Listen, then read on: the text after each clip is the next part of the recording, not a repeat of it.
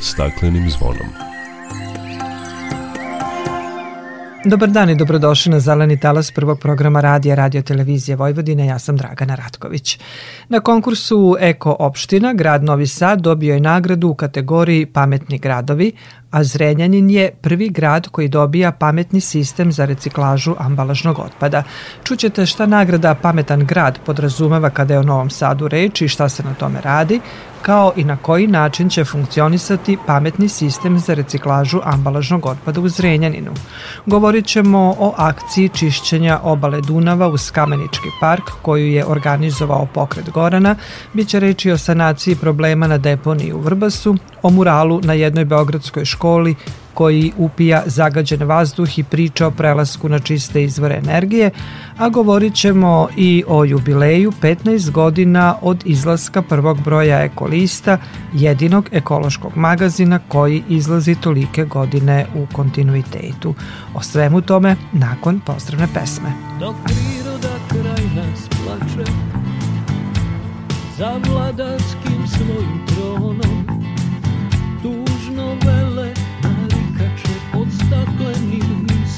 zvonom.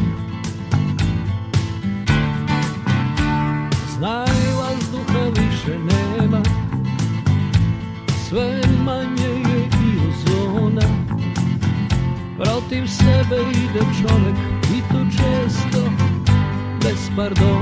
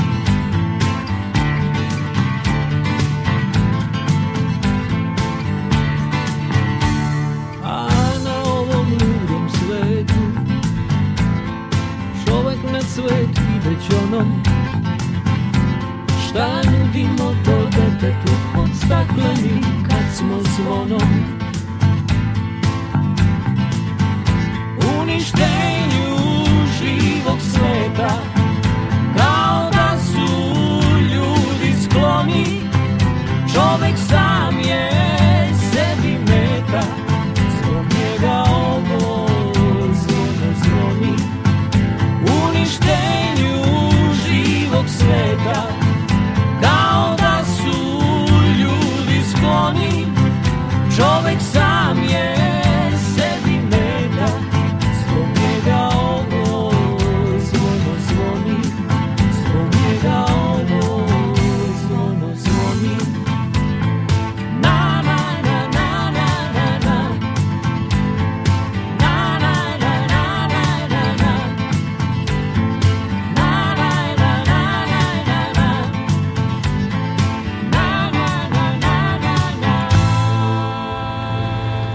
Nedavno je u ambasadi Francuske u Beogradu upriličena dodela nagrada pobednicima konkursa za projekat Eko opština. Konkurs je bio namenjen svim opštinama i gradovima u četiri kategorije. Održivo upravljanje otpadom, energetska efikasnost, pametni gradovi i održivo upravljanje vodom. Na konkurs je stiglo 60 prijava iz 35 opština i gradova. Grad Novi Sad je pobednik u kategoriji Pametni gradovi. Projekat Eko opština je francusko-srpska platforma za saradnju na izazovima održivog grada kroz identifikaciju dobrih praksi razvijenih na lokalnom nivou u Srbiji kao i u Francuskoj. Do sredine ovog veka dve trećine stanovnika živeće u gradovima. Da bi u budućnosti obezbedili održivi život u urbanim sredinama, projektuju se takozvani pametni gradovi kao što su Amsterdam, Oslo, Singapur, London, San Francisco, Barcelona. Zaštitni znak pametnog grada su upravo sistemi senzora koji prikupljaju i povezuju najrazličitije vrste informacija potrebnih za upravljanje gradom i na osnovu tih informacija sistem funkcionisanja grada prilagođava se njegovim građanima. Na primer, građani preko aplikacije na svom telefonu mogu u svakom momentu da saznaju gde ima slobodnih parking mesta, zahvaljujući sistemu senzora za parking mesta. U slučaju saobraćajnih gužvi, aplikacija će vas, zahvaljujući postavljenim senzorima, upozoriti kako da ih izbegnete, a gradske službe čistoće imaju stalno uvid u količinu otpada koji se nalazi u svakom kontejneru i tako dalje. Korišćenje savremenih tehnologija može omogućiti kvalitetniji život u urbanim sredinama.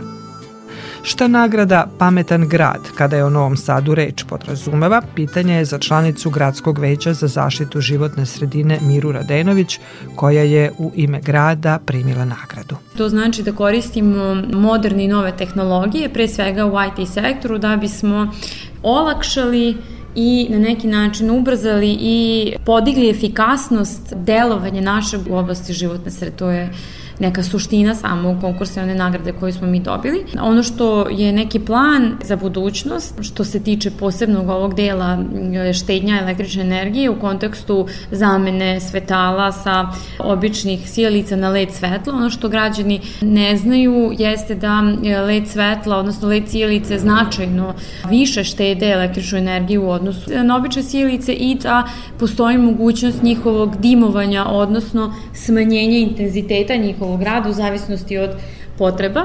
Tako da ove, i to je štednja električne energije za više od 30 do 40% kada zamenite običnu sjelicu za led sjelicu. Mi smo u narednom periodu, odnosno mi smo pripremili studiju da napravimo presek zapravo stanja kako nam je sada na teritoriji čitavog grada i planiramo da konkurišemo za sredstva kod stranih fondova za zamenu potpune rasvete u Novom Sadu sa To je ono što su na planovi za budućnost u kontekstu manjenja potrošnje električne energije, odnosno štednje, a opet uštede energenata pa i samim tim zaštite životne sredine. Da li je do sada već u nekim delovima grada, da li su zamenjene sjelice? Jesu, u centralnom delu grada su zamenjene sjelice. Međutim, kapacitet nije dovoljan. Mi jesmo ostvarili jednu određenu uštedu, ali ono što će zapravo stvarno napraviti jednu veliku razliku jeste kada se čitav grad zajedno sa prigradskim naseljima zamene se sjelice.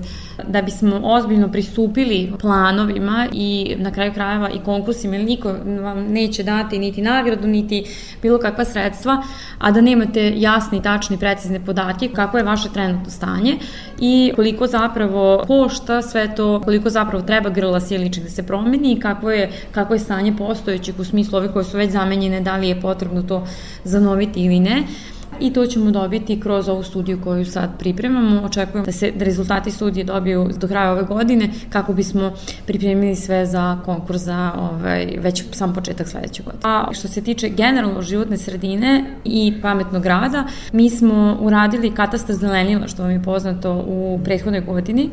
On je jedan potpuno digitalizovan e, način e, sagledavanja zelenila na teritoriji grada Novog Sada. Prvi osnovni korak je bio da se snimi i znamo tačno koliko koliko grad ima zelenila i koja je vrsta zelenila u pitanju. Tu smo dobili i informacije jasne i precizne e, šta u narednom periodu treba da radimo i na kojoj obnovi kog zelenila treba da radimo, kako bismo poboljšali i stanje životne sredine, odnosno stanje tog zelenila, ali i kvalitet vazduha na teritoriji grada. I sada je sledeći korak što se tiče katastra zelenila ubacivanje konkretnih podataka o stanju svake sadnice na teritoriji grada Novog Sada. Zašto je to nama važno? Upravo u kontekstu tih pametnih gradova jeste da da vi na klik imate Zelenilo kao preduzeće koje se bavi održavanjem, ima informaciju o tome, primjer radi da li je u Dunavskom parku dovoljno vlage u zemljištu, da li je neophodno zalivanje, da li je neko stablo oštećeno, odnosno bolesno iznutra. To sve će značajno olakšati Zelenilu rad na terenu, jer će unapred moći da pripremaju aktivnosti i lokacije aktivnosti koje su potrebne na održavanju Zelenila, odnosno pripremi izradi novih zelenih površina. Takođe, ono što smo uradili, a opet je u kontekstu modernih tehnologija, uradili smo smart sistem za monitoring buke, prvu fazu, sad radimo drugu fazu, odnosno drugi deo, da pokrijemo čitavu teritoriju grada. Sad svi ovi podaci o kojima pričam će se na kraju, kada se završe svi ti delovi, uklopiti u jedan koji će se zvati pametni grad. Sve bi da na kraju krajeva trebao biti digitalizovano i da se iz jednog centra upravlja. Tako je, tako je. Ono što je plan za, za narednu godinu, to je izrada prve faze smart sistema za monitoring vazduha. To je jako važna stvar za novoseđene. A u Novom Sadu je kao jedan od najvećih zagađivača vazduha se ističe saobraćaj i individualno ložište. To je suštinski i sreća Novog Sada, ali vi znate koje su vam ključne tačke i na čemu morate da poradite. Znači moramo da nađemo načine kako ćemo to da smanjimo, odnosno da dovedemo na nivoje koji su prihvatljivi za život. A monitoring kvaliteta vazduha će biti svakako dostupan apsolutno ovaj, građanima u svakom momentu da se vidi šta se dešava sa vazduhom na teritoriji grada Novog Sada i pokriće se svi delovi koji sada trenutno nisu pokriveni, tako da će građani imati uvid u stanje vazduha svoje životne sredine, odnosno okoline u svakom momentu. Na koliko mernih mesta će se meriti? Sad se radi analiza stručnjaka koji će zajedno sa ovaj, stručnjacima iz Instituta za javno zdravlje napraviti projektni zadatak za javnu nabavku, da bi se znalo tačno koliko će nam trebati mernih mesta, kakva je tehnologija, odnosno metodologija merenja,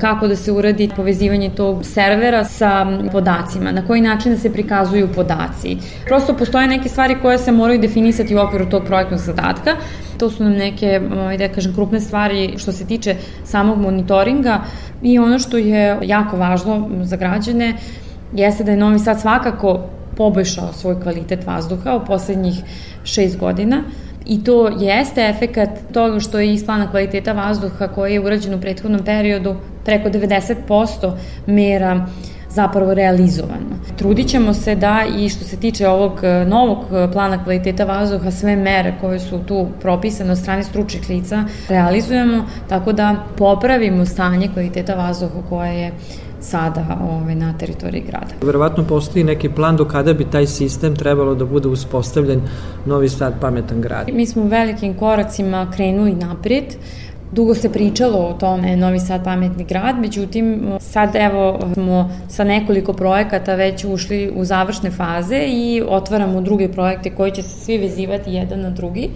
Znači, nama će trebati vremena da mi napravimo. Ovo su sve veliki projekti. Treba umrežiti čitav grad sa senzorima za vazduh, primjer radi, pa buku završavamo. Ali to zaista nisu mali projekti ni novčano, a ni vremenski i treba će vremena da se čitav e, kompletni ti sistemi jedine i naprave jednu celinu. Ja se nadam da će do kraja 2025. to biti moguće. Hvala vam najlepše. Hvala vam.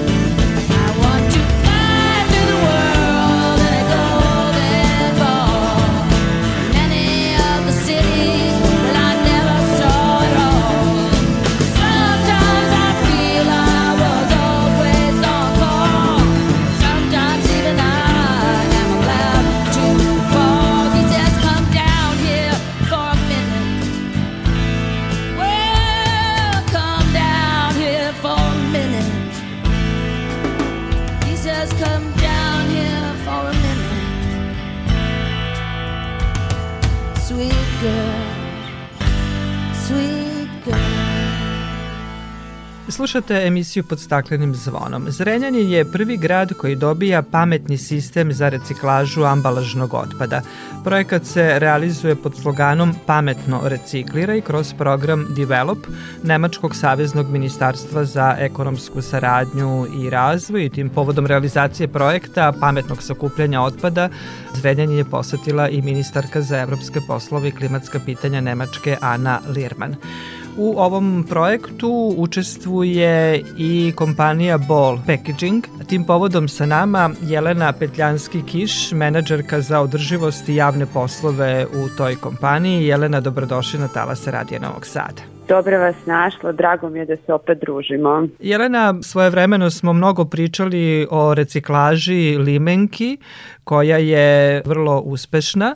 Da li je ovaj način sakupljanja limenki poslužio kao model za sakupljanje i ostalog ambalažnog otpada s obzirom da je reč o novom načinu sakupljanja ambalažnog otpada kojeg eto zovemo i pametnim sistemom? Tako je, da, mi smo zapravo sa GIZ-om, Nemačkom razvojnom agencijom, započeli projekat u Beogradu koji se e, odnosi na pametno prikupljanje limenki kroz sistem ručnih presa postavljenih sa našim partnerima u Merkatorovim prodavnicama.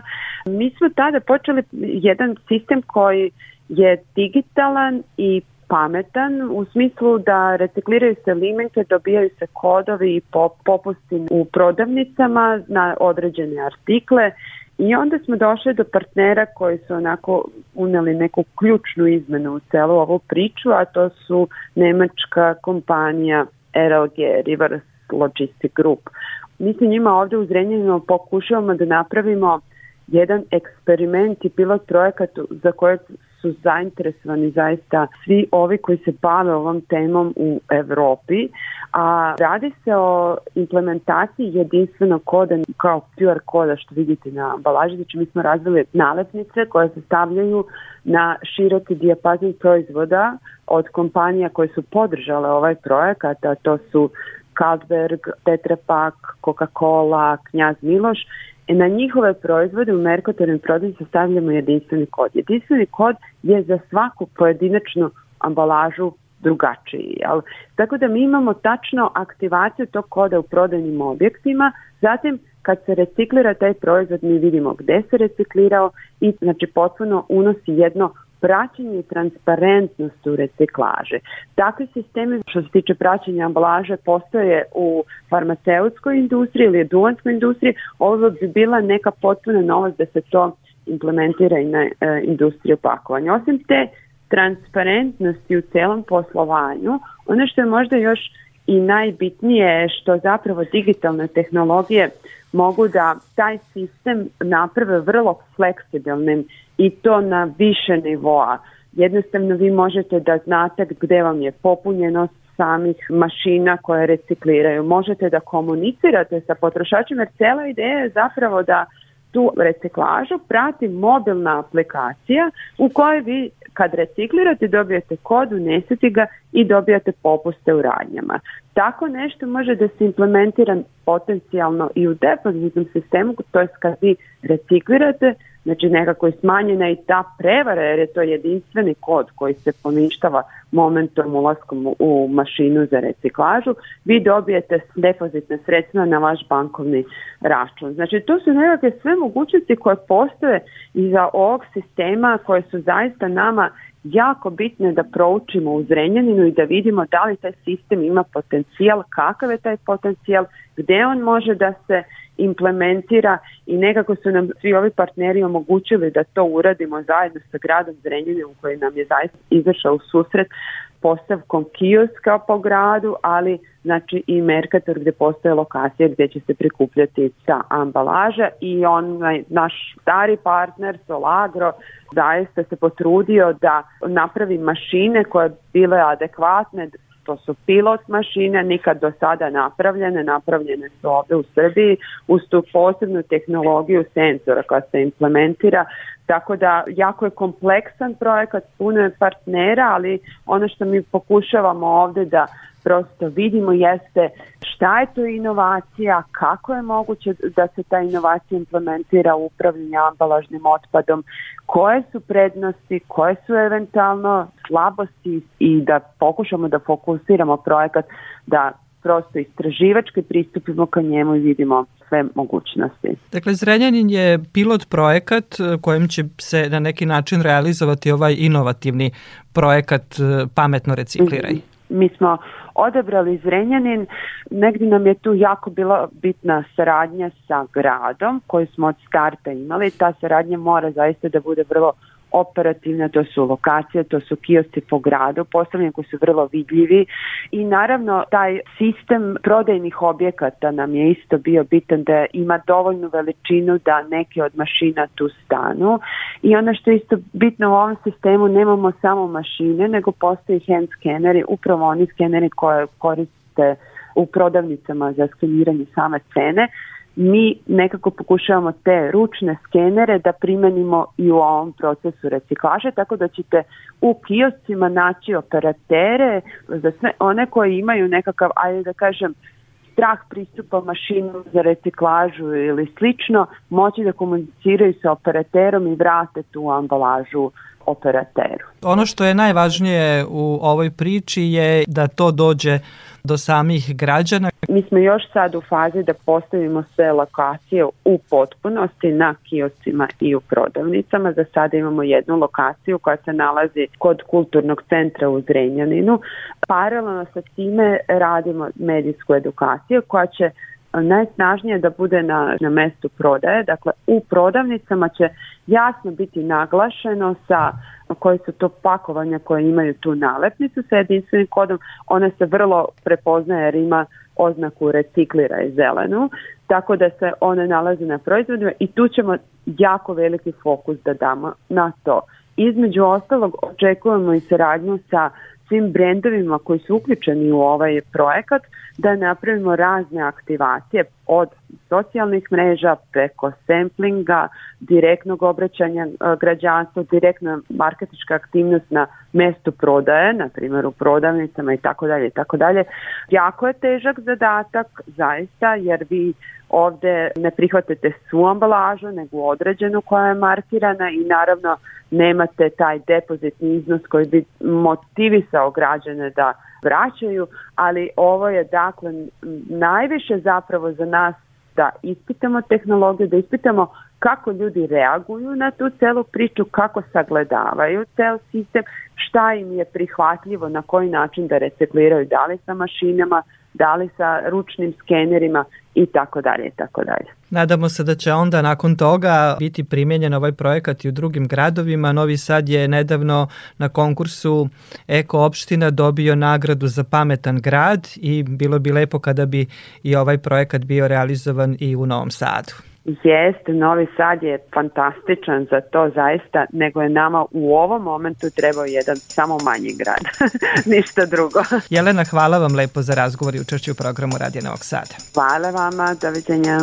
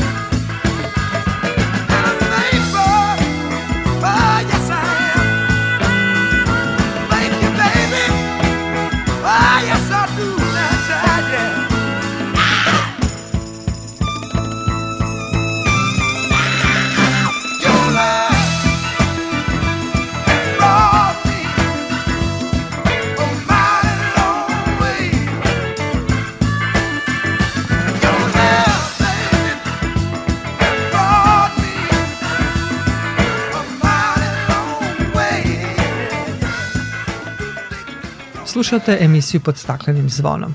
U okviru projekta Zelene inicijative za Zeleni Novi Sad, čiji je cilj informisanje građana o načinima ublažavanja posledica klimatskih promena i pokretanje građanskog aktivizma, pokret Gorana Novog Sada organizovao je čišćenje obale Dunava uz Kamenički park i šetalište.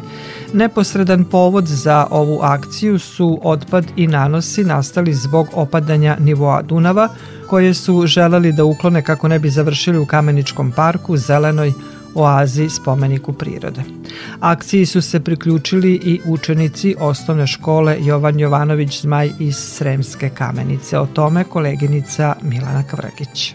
Aleksandra, Nina i Bogdan kažu da šetajući svakodnevno kameničkim parkom i obalom sa roditeljima primećuju ogromne količine otpada i da su baš zbog toga istog trenutka kada im je razredna predložila da očiste taj deo Dunava, ugle zajedno sa svojim vršnjacima pristali. Šta ste sve našli ovde od smeća? Koliko količina? Svašta. Našli, našli smo limenke, čak smo našli kajši cipelu, flaše, papire, džakove, kese i dosta kao onih kutija od brze hrane i tako. Šta to znači da ne vodimo računa baš o našem gradu i okolini? Da, da, meni se to uopšte ne sviđa, kako ljudi uopšte ne brinu o tome, samo bacaju smeće i ne brine kako će to kasnije da izgleda i o životinjama. Napunili smo dva džaka. Nekako bezobzirno ljudi to samo bacaju, a ne shvataju koliko to zapravo šteti prirodi, a kanta na 4 metra ili tako nešto. Koliko to šteti prirodi i zašto je bitno da čistimo Novi Sad?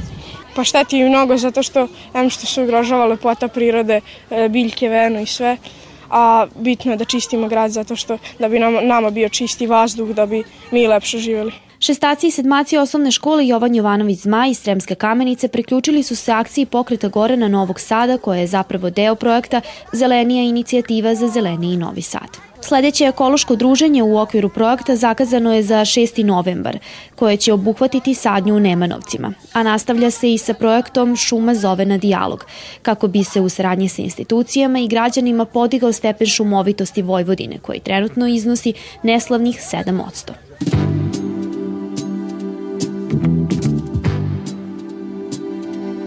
U opštini Vrbas ovih dana glavna tema su divlje deponije. Sanirani su neki višemesečni problemi na više lokacija na deponiji. Opširnije Aleksandra Dejanović. Ugašeno je više manjih požara na glavnoj gradskoj deponiji u Vrbasu koji su tinjali na smetlištu nekoliko meseci. Rukovodilac poslovne jedinice čistoća javnog komunalnog preduzeća iz Vrbasa, Mladen Pavlović, naglašava da je ovaj problem nastao još letos i da je iziskivao zahtevne radove komunalne službe. Požar izbijao u četiri navrata, I mi smo svaki požar brzo ugasili uz pomoć vatrogasne jedinice Vrbas. Problem je nastao to što se upalio obo deponije, gde je prosječna visina smeća negde oko 6 do 7 metara, koji je prekriven niskim rastinjem. I tu nije bilo otvorenog plamena, nego je dugo ta deonica nekih 200 metara povremeno dimila. Stvarao se beli gusti dim. Mi smo i to pokušavali, nije prepušteno slučaju da, da saniramo, međutim nepristupačan je teren i zemlja koju smo uspeli nabaviti nije bila dovoljna. Uz pomoć e, ekološkog pokreta opštine Vrbas obezbeđene su velike količine zemlje i mi smo sada stavili pod kontrolu taj deo i on je ovaj trenutno ugašen. Mladen Pavlović dodaje da se paralelno sa ovim radovima otpočelo i sa čišćenjem deponije građevinskog otpada u Vrbasu koje se nalazi uz samo naseljeno mesto. 4-5 puta u toku godine mi to čistimo, ali ove godine je jako to izraženo zato što ovaj, u Vrbasu ekspanzija izgradnje novih stambenih objekata, ruše se stari objekti i onda se tu pojavljuju velike količine tog otpada što ranije i nije bio slučaj, onda je to ranije ta deponija i mogla da se e, bolje sanira tri dana smo radili sa kompletnom mehanizacijom, znači utvorivač, buldozer, teretna vozila i taj deo koji je bio i planiran, on je i saniran. U poslovnoj jedinici čistoća Vrbaškog komunalnog preduzeća ističu da se svi ovi poslovi vrše po nalogu komunalne inspekcije opštine Vrbas, a da je isključivo rukovodđenje gradskom deponijom u nadležnosti komunalca iz Vrbasa.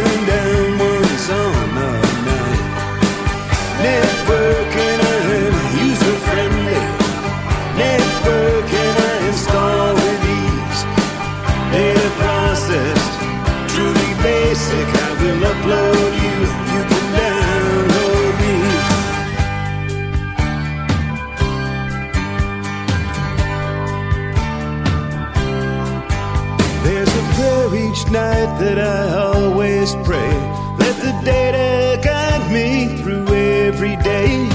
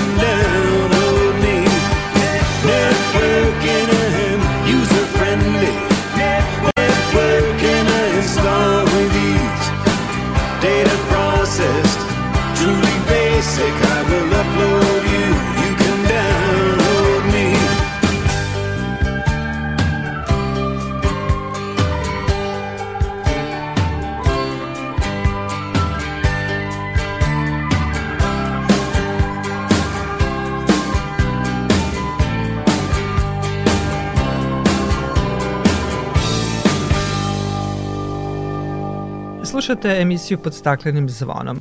U Beogradu je u septembru oslikan mural na zidu osnovne škole Josif Pančić. Reč je o prvom školskom zidu koji upija zagađen vazduh i priča o prelasku na čiste izvore energije.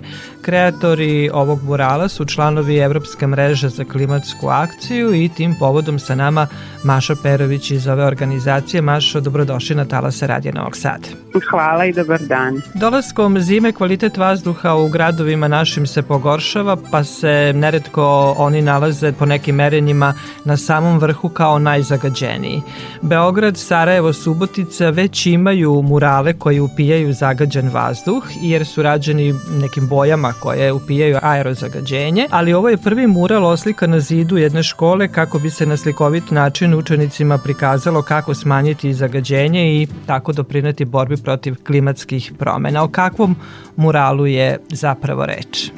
Reč je o muralu koji predstavlja most, odnosno taj most e, simbolizuje prelazak na obnovljive izvore energije za koji se država Srbije i ostale države u regionu povezala da dostigne 2050. godine.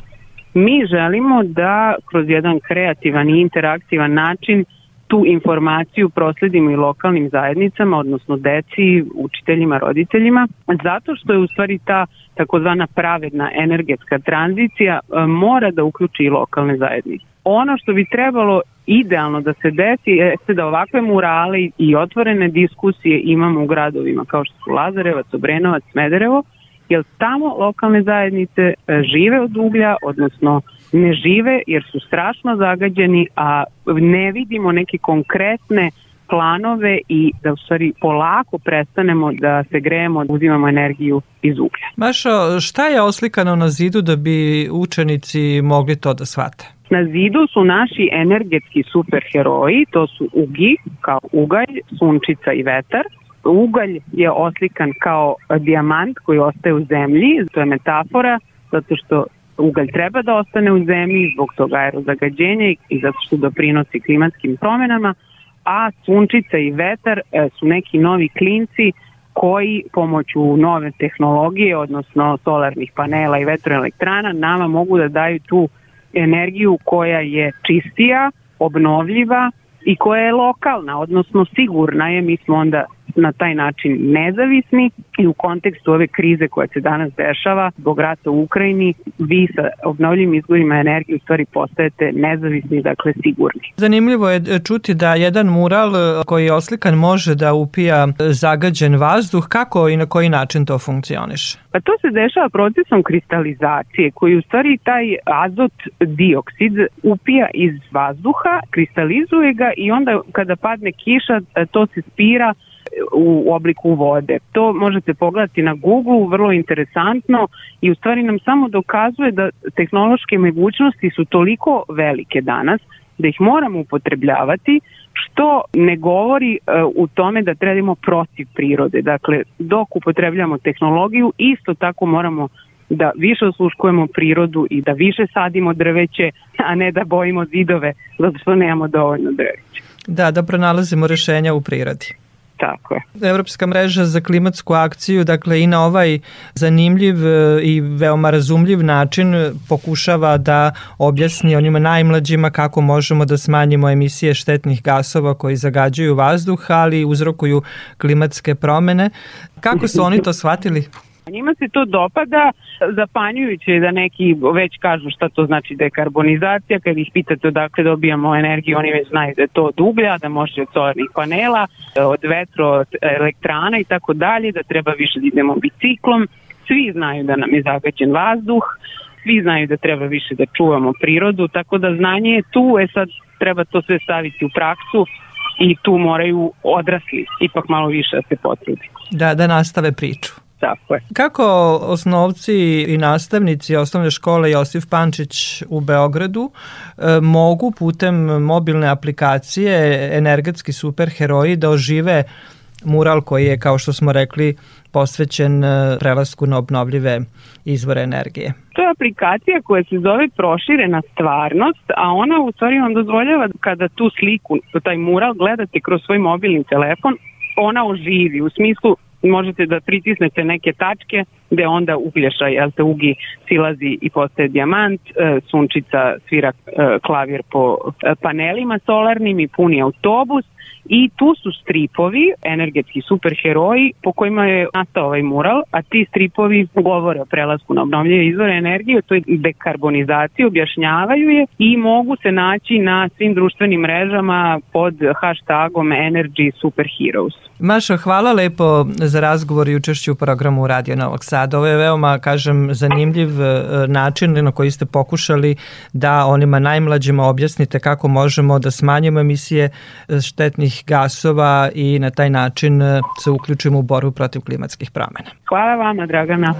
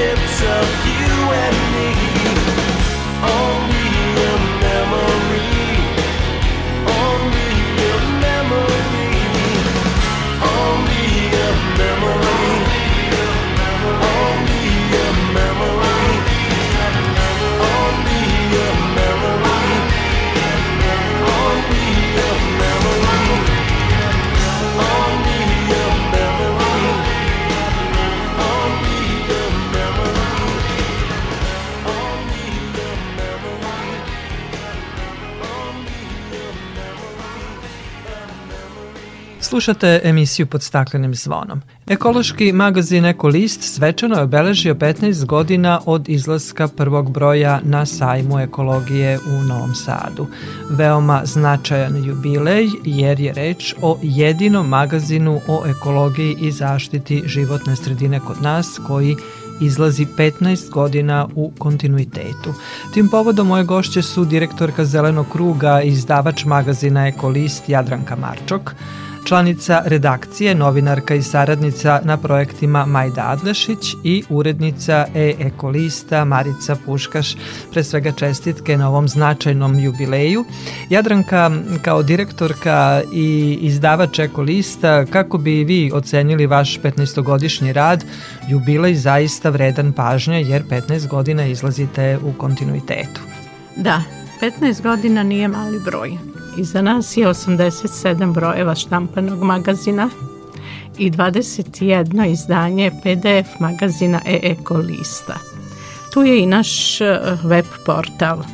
Na stranicama naših magazina tekstove su objavljivali ugledni stručnjaci, pisali smo o svim aktualnim temama i izazovima, imali smo brojne intervjue, analize, komentare – Iskreno se nadam da smo našim radom uspeli, makar malo, da budemo promena, da budemo jezičak na vagi koji je doprineo da donosimo bolje odluke, budemo društveno odgovorniji.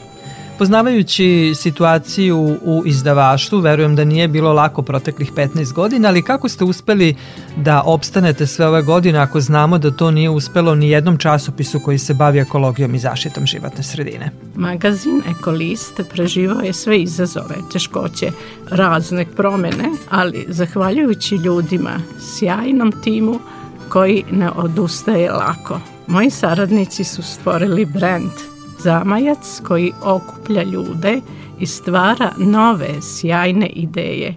I to nije mala stvar. Na taj način se napreduje, prirodno raste, osvajaju se nova znanja, uspostavljaju se nove veze među ljudima, a kada se ljudi okupe oko pravih ideja, sednu i razgovaraju, stvore nešto dobro a to je stvarni kapital našeg posla. Dakle, ključ vašeg trajanja su vaši saradnici. Majda, vi ste dugogodišnja saradnica Ekoliste na raznim projektima, ali i kao novinarka i kao članica redakcije dali ste svoj doprinos da Ekolist izlazi 15 godina, da toliko dugo traje, što je veoma važno ne samo za informisanje o temama iz oblasti zaštite životne sredine, nego i u edukaciji i podizanju ekološke svesti naših građana. Da, uopšte nije mali jubilej, prvo to da ovaj, razjasnimo, biti nezavistan časopis koji izdaje jedna nevladina organizacija u našoj državi uopšte nije lako i samim tim nije ni malo, pogotovo što se radi o većinski ženskoj redakciji, što daje posebnu i vrednost i težinu svemu.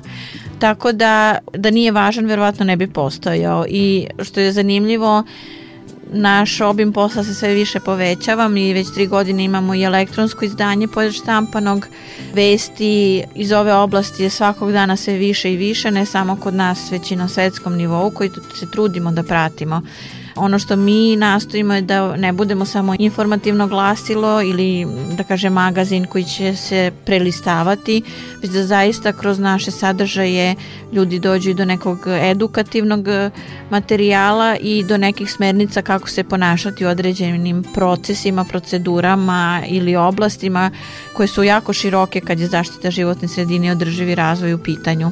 Pored samog časopisa Zeleni krug koji je izdavač ima i, i bogatu projektnu aktivnost u smislu da već 10 godina sprovodimo akciju Kako raste drvo, to je ozelenjavanje školskih dvorišta koju povezujemo sa edukacijom dece u školama koje učestvuju u toj akciji, ne samo o tome kako se zaista sadi drvo, već i o tome zašto je drvo uopšte važno i ozelenjavanje gradskih prostora.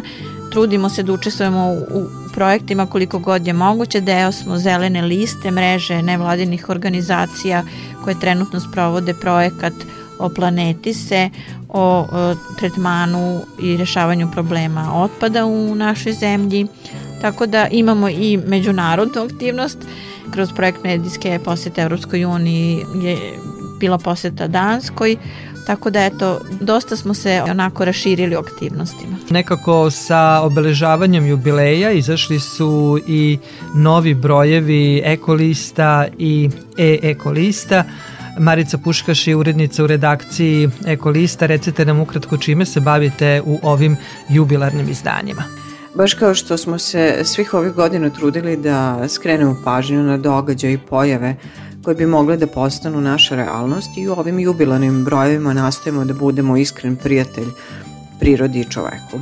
U ekolistu između ostalog predstavljamo ekološke prakse u Danskoj i Francuskoj i to kroz priloge koji su nastali u okviru projekta Puls Evrope, medijske posete Evropskoj uniji. Takođe donosimo i intervju sa Jesminom Mitrović-Marić, ambasadorkom Srbije u Danskoj. U posebnom bloku donosimo niz tekstova koji podrobno objašnjavaju principe održivog razvoja. Jubilarni e-eko list delom je posvećen biodiverzitetu, odnosno uticaju čoveka na prirodu, ali i iskustvima Danske u transformaciji prostora, kako bi urbane sredine dobile e, zelene oaze. Ponovo pišemo o zagađenjima, pre svega o zagađenom vazduhu, našoj gorećoj temi – Ukazali smo na glavne uzročnike lošeg vazduha, na to kako oni utiču na naše zdravlje i koje su grupe stanovništva najugroženije.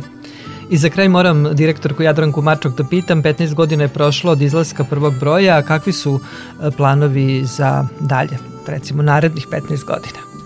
E, kada razmišljamo o budućnosti, obično su to naše želje, pomešane s očekivanjima i strepnjama – Ja dolazeće godine gledam kao izazov, kao priliku da pokažemo od čega smo sazdani, jer 15 godina nije mali broj i verujem da smo dokazali onaj moto s naših naslovnica da smo iskreni prijatelji prirodi i čoveku. Hvala vam lepo za razgovor sa željom da istrajete u ostvarivanju svojih ciljeva, to je informisanje, edukacija i podizanje svesti građana o važnosti očuvanja životne sredine.